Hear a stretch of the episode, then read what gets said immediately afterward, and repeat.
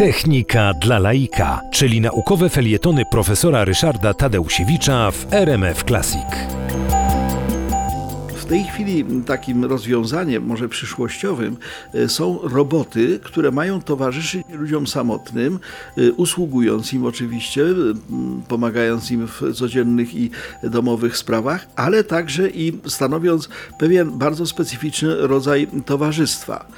E, Firma Toyota opracowała specjalną serię robotów, które są określane jako Human Support Robot, czyli HSR. To są roboty, które po prostu mają ludziom pomagać no, w takich codziennych sprawach, e, podać napój do łóżka, e, pomóc e, przejść do toalety, prześcielić łóżko i tak dalej.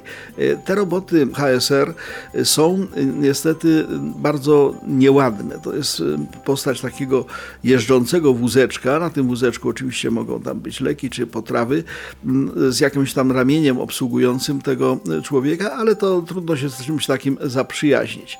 Wobec tego inne firmy, też dostrzegając ten segment rynku i chcąc pomóc ludziom właśnie samotnym, wymyśliły roboty, które są no, do tego, aby tą samotność przezwyciężać.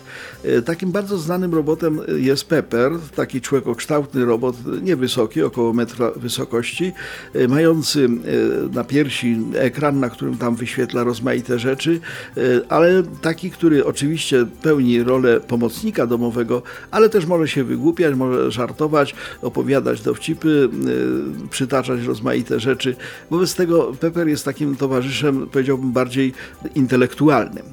Yy, Japończycy zbudowali yy, robota, który nazywa się RoboBear i to jest taki wielki niedźwiedź.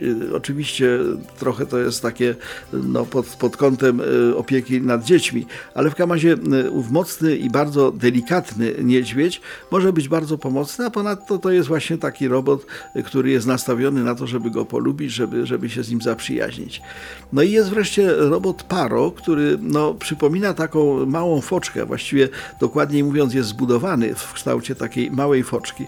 On właściwie w sensie pomocy jakiejś tam w pracach domowych jest nieprzydatny, ale za to potrafi się bardzo ładnie przymilać, potrafi się bardzo ładnie łasić, ale jednocześnie cały czas obserwuje tą osobę, z którą obcuje i w wypadku, jeżeli są jakieś e, powody do niepokoju, jest w stanie bezprzewodowo e, zawiadomić lekarza czy, czy nawet pogotowie, że ta, ten czy ta jego opiekunka wymaga pomocy.